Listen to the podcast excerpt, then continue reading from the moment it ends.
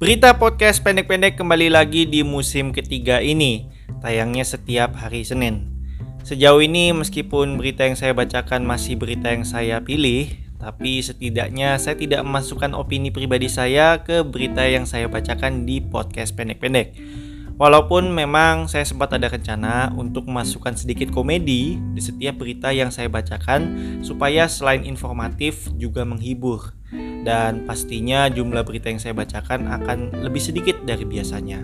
Selain itu juga berisiko ya karena bisa saja komedinya tidak ada yang kena, episodenya malah jadi jelek dan saya malah dianggap tidak netral. Itu tadi bukan band ya netral ya.